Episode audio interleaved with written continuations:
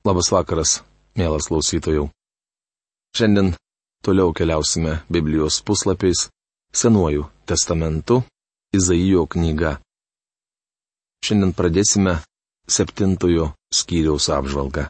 Skyriaus tema - pranašystė apie nekaltą Emanuelio gimimą ir Asirijos įsibrovimą į Judo žemę. Prieš pradėdami apžvalgą palenkime savo širdis ir nukreipkime samoningai savo mintis į Dievą prašydami jo pagalbos suprasti išminties žodžius. Mūsų tėve, kuris esi danguje, mes dėkojame tau, kad tu nepalikai mūsų vienų, kai mes buvome nusidėliai, kai mes atskyrėm save nuo to bendravimo su tavimi, atėjai į kiekvieno tikinčio žmogaus širdį, surasdamas jį pražuvusiame pasaulyje. Dėkojame tau, dangaus Dieve, kad tu padarėjai tobulai viską, kad mes šiandieną gyvuoju ir amžinai pasiliekančiuoju keliu galėtume ateiti į tą artimą bendravimą su tavimi. Dėkojame tau, kad tam mūsų viešpats ir gelbėtojas Kristus Jėzus yra išaukštintas tavo dešinėje ir užtarė mus.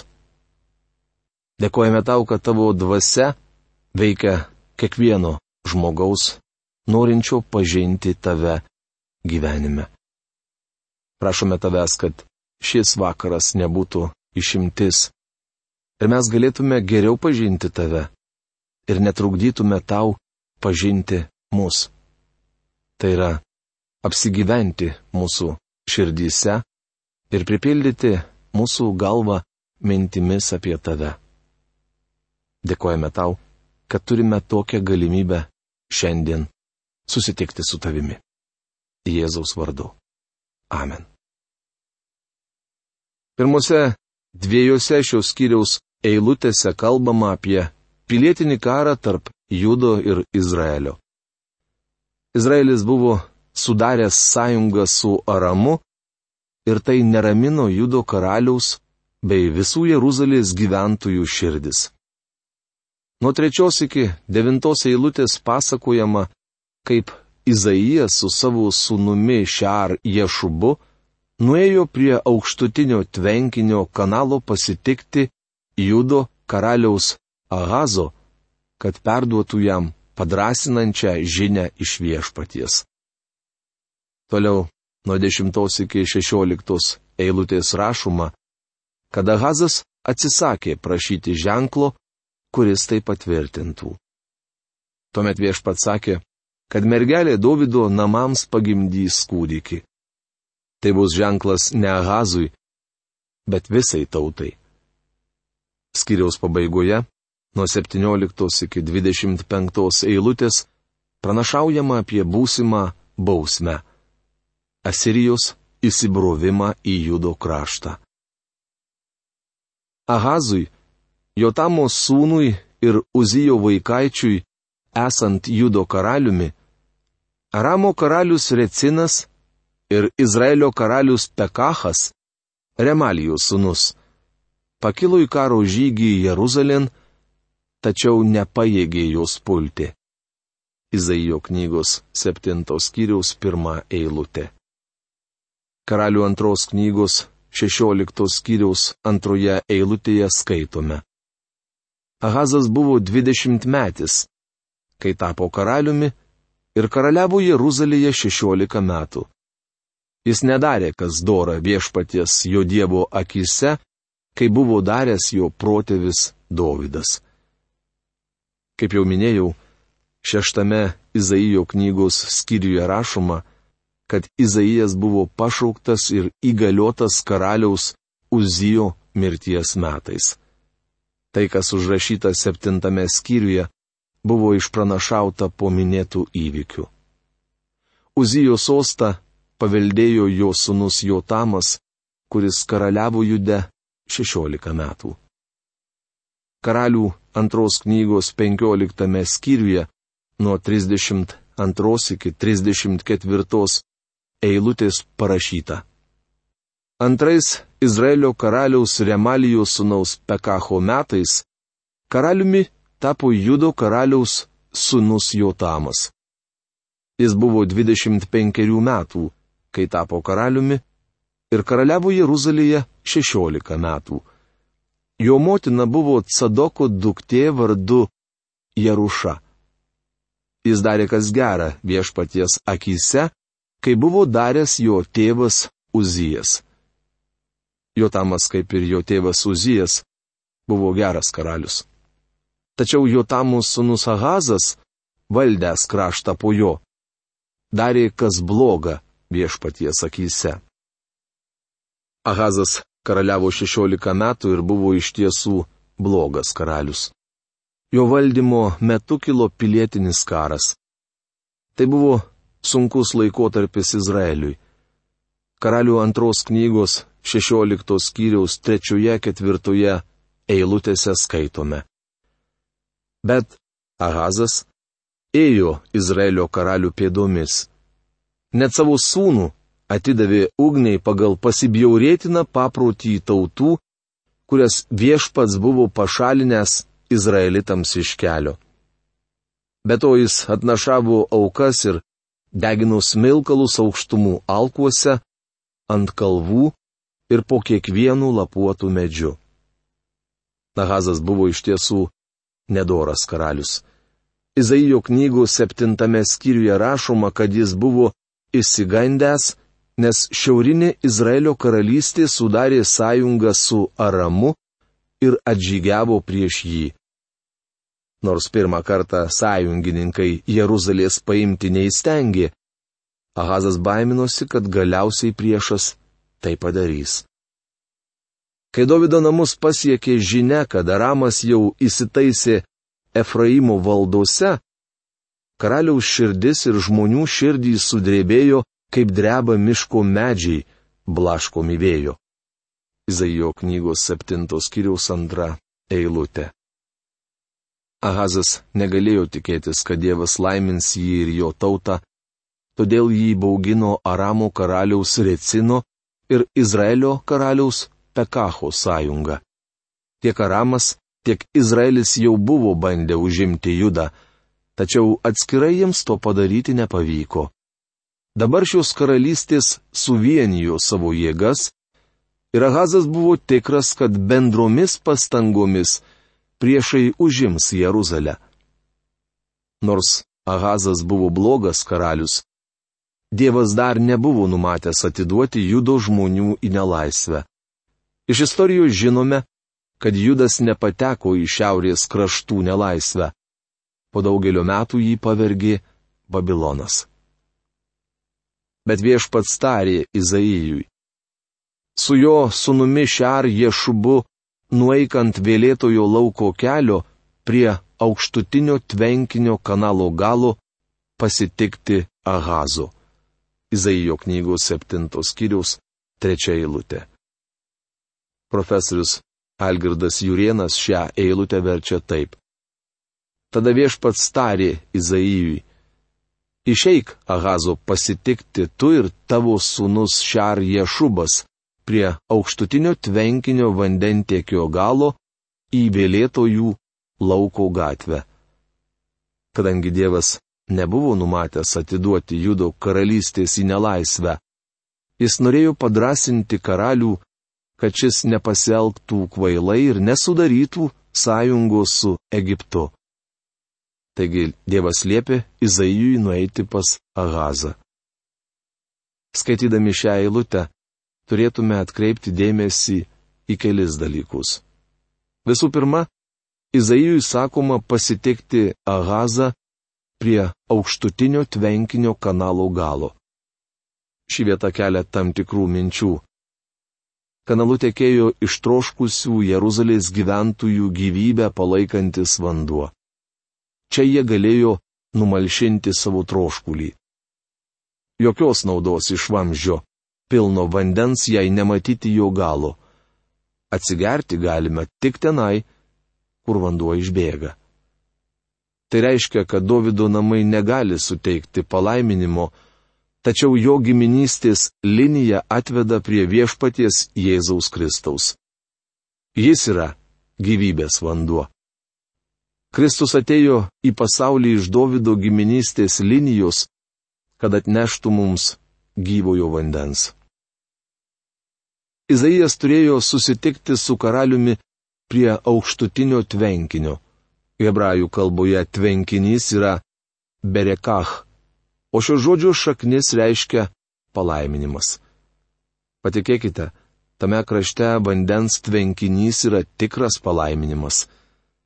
Tas pats žodis pavartotas 84 psalmės 7 eilutėje, kur sakoma. Ankstyvieji lietus būtų pripildę į palaimus, tai yra berakach. Visur kitur šis hebrajiškas žodis taip pat verčiamas žodžiu palaiminimas. Tai labai įdomu. Taip pat atkreipkite dėmesį, jog Izaijo knygos septintos kiriaus trečioje eilutėje paminėtas aukštutinis tvenkinys. Žodis, kuris šioje eilutėje išverstas kaip aukštutinis, Originalo kalboje daugiau negu 30 kartų pavartotas kalbant apie aukščiausiai. Pradžios knygos 14 skyriaus 18 eilutėje parašyta, kad Salemo karalius Melchizedekas, išėjęs patarnauti Abraomui, buvo Dievo aukščiausiojo kunigas. Aukščiausiojo Dievo palaiminimai buvo išlieti kanalo gale. Tai yra Jėzui atėjus į pasaulį. Ant vėlėtojo lauko kelio. Kelias yra kiek pakilėtas takas, kad juo eidamas žmogus nesusiteptų kojų. Šis žodis turi ir perkeltinę reikšmę. Apie tai rašoma patarlių knygos 16 skyriaus 17 eilutėje. Dorų žmonių kelias vengia piktą. Tai reiškia, kad dori žmonės eina šventumo keliu. Ta pačia metafora Izaijas pavartojo 35 skyriaus 8 eilutėje. Ir vieškelis tenais, jis bus vadinamas šventuoju keliu. Kelias, paminėtas šioje Izaijo pranašystės eilutėje, simbolizuoja tą, kuris yra kelias, tiesa ir gyvenimas. 84 psalmės 5 eilutėje psalmininkas rašo. Laimingas žmogus, kurio stiprybė yra tavyje. Piligrimų vieškeliai jo širdyje, verčia profesorius Algirdas Jurienas. Kitaip tariant, palaimintas turintis tą, kuris yra kelias, tiesa ir gyvenimas. Atkreipkite dėmesį, kad pranašas turėjo pasitikti karalių vėlėtojo laukia Vėlėtojo laukas buvo vieta, kur žmonės eidavo skalbtis drabužių. Tai tarsi anų dienų skalbykla. Tikriausiai jums iškilo klausimas, kaip tai susijęs su mūsų gyvenimu. Jei norime, kad mūsų gyvenimas būtų apvalytas, turime ateiti pas viešpati Jėzų Kristų. Jis sakė, jūs jau esate švarūs dėl žodžio, kurį jums kalbėjau. Tai prašoma Jono Evangelijos 15 skyriaus 3 eilutėje. Taigi matome, kad vieta, į kurią Izaijas siunčiamas pasitikti Ahazo, turi gilę dvasinę prasme. Izaijui sakoma pasiimti su savimi sūnų Šar Ješubą. Šar Ješubas reiškia likutis sugrįž. Keistokas vardas Tačiau dar keistesnis antrojo pranašo sunaus vardas, minimas aštuntame šios knygos skyriuje. Įdomu, kad Dievas visuomet turėjo ištikimą likutį. Ir pasakyk jam, būk tvirtas, laikykis ramiai, nebijok. Te nedreba tavo širdis dėl tų dviejų smilkstančių nuodėgulių, dėl Recino bei Aramo ir Remalijo sūnaus įniršio. Kadangi Aramas su Efraimu ir Remalijo sūnumi suringė samokslą prieš tave, tardami, užpulkime judą, palaužkime jo dvasę, užkariaukime jį ir paskirsime ten karaliumi, Tabelio sūnų. Taip kalba viešpats Dievas. Tai neįvyks. Taip nebus. Damaskas Ramo sostinė, o Damasko galva Recinas. Samarija Efraimo sostinė, o Samarijos galva Remalijos sūnus.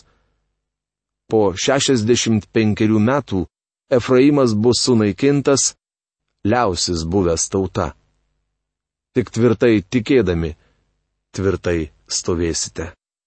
Izaijo knygos 7 skyriaus 4-9 eilutės. Izaijas pranešė Agazui, kad nereikia bijoti sąjungininkų iš šiaurės, nes Dievas jų sumanimą pavers niekais. Tačiau kodėl Agazas turėjo to tikėti? Visų pirma, karalius buvo skeptikas, be to netikintysis. Kaip Ahazas galėjo įsitikinti, kad Izaijas sako tiesą? Dievas niekada neprašo tikėti tuo, kas neturi rimto pagrindo. Tikėti tai nereiškia, ką nors aklai daryti ar postringauti. Aš pasitikiu Dievu. Tai kvaila. Dievas neprašo, kad mes taip elgtumės. Pavyzdžiui, mes net našaujame avinėlio, kad įgytume išgelbėjimą. Mūsų tikėjimas remiasi istoriniais faktais, jog Dievo sūnus numirė, buvo palaidotas ir prisikėlė. Dievas niekada neprašo nertis tačia galva į tamsą. Jis sako mums tikėti tuo, kas turi rimtą pagrindą. Kitaip tariant, mes turime pasikliauti vieninteliu pagrindu. Apaštalas Paulius pirmo laiško korintiečiams trečios skyriaus vienuoliktoje eilutėje rašo. Juk niekas negali dėti kito pamato kaip tik tą, kuris jau padėtas. Tai yra Jėzus Kristus. Sažiningai tikinti žmogus, trokštantis pažinti Dievą, įgis gelbstinti tikėjimą. Tie, kurie tvirtina, jog negali tikėti, yra paprasčiausiai nesažiningi. Pavyzdžiui, vienas jaunuolis San Franciske man sakė, Aš noriu tikėti. Ieškau tiesos. Tas vaikinas svetimavo gyvendamas su mergina ir įrodinėjo man, jog ieško tiesos. Iš tikrųjų, niekas neapakinamas, jei pats nenori būti aklas. Jei žmogus iš tiesų trokšta pažinti Dievą ir yra pasiryžęs palikti nuodėmę bei grėžtis į Kristų, Dievas jam apsireikš. Bėda ta, kad šiandien daugelis į Dievą žiūri labai atsainiai.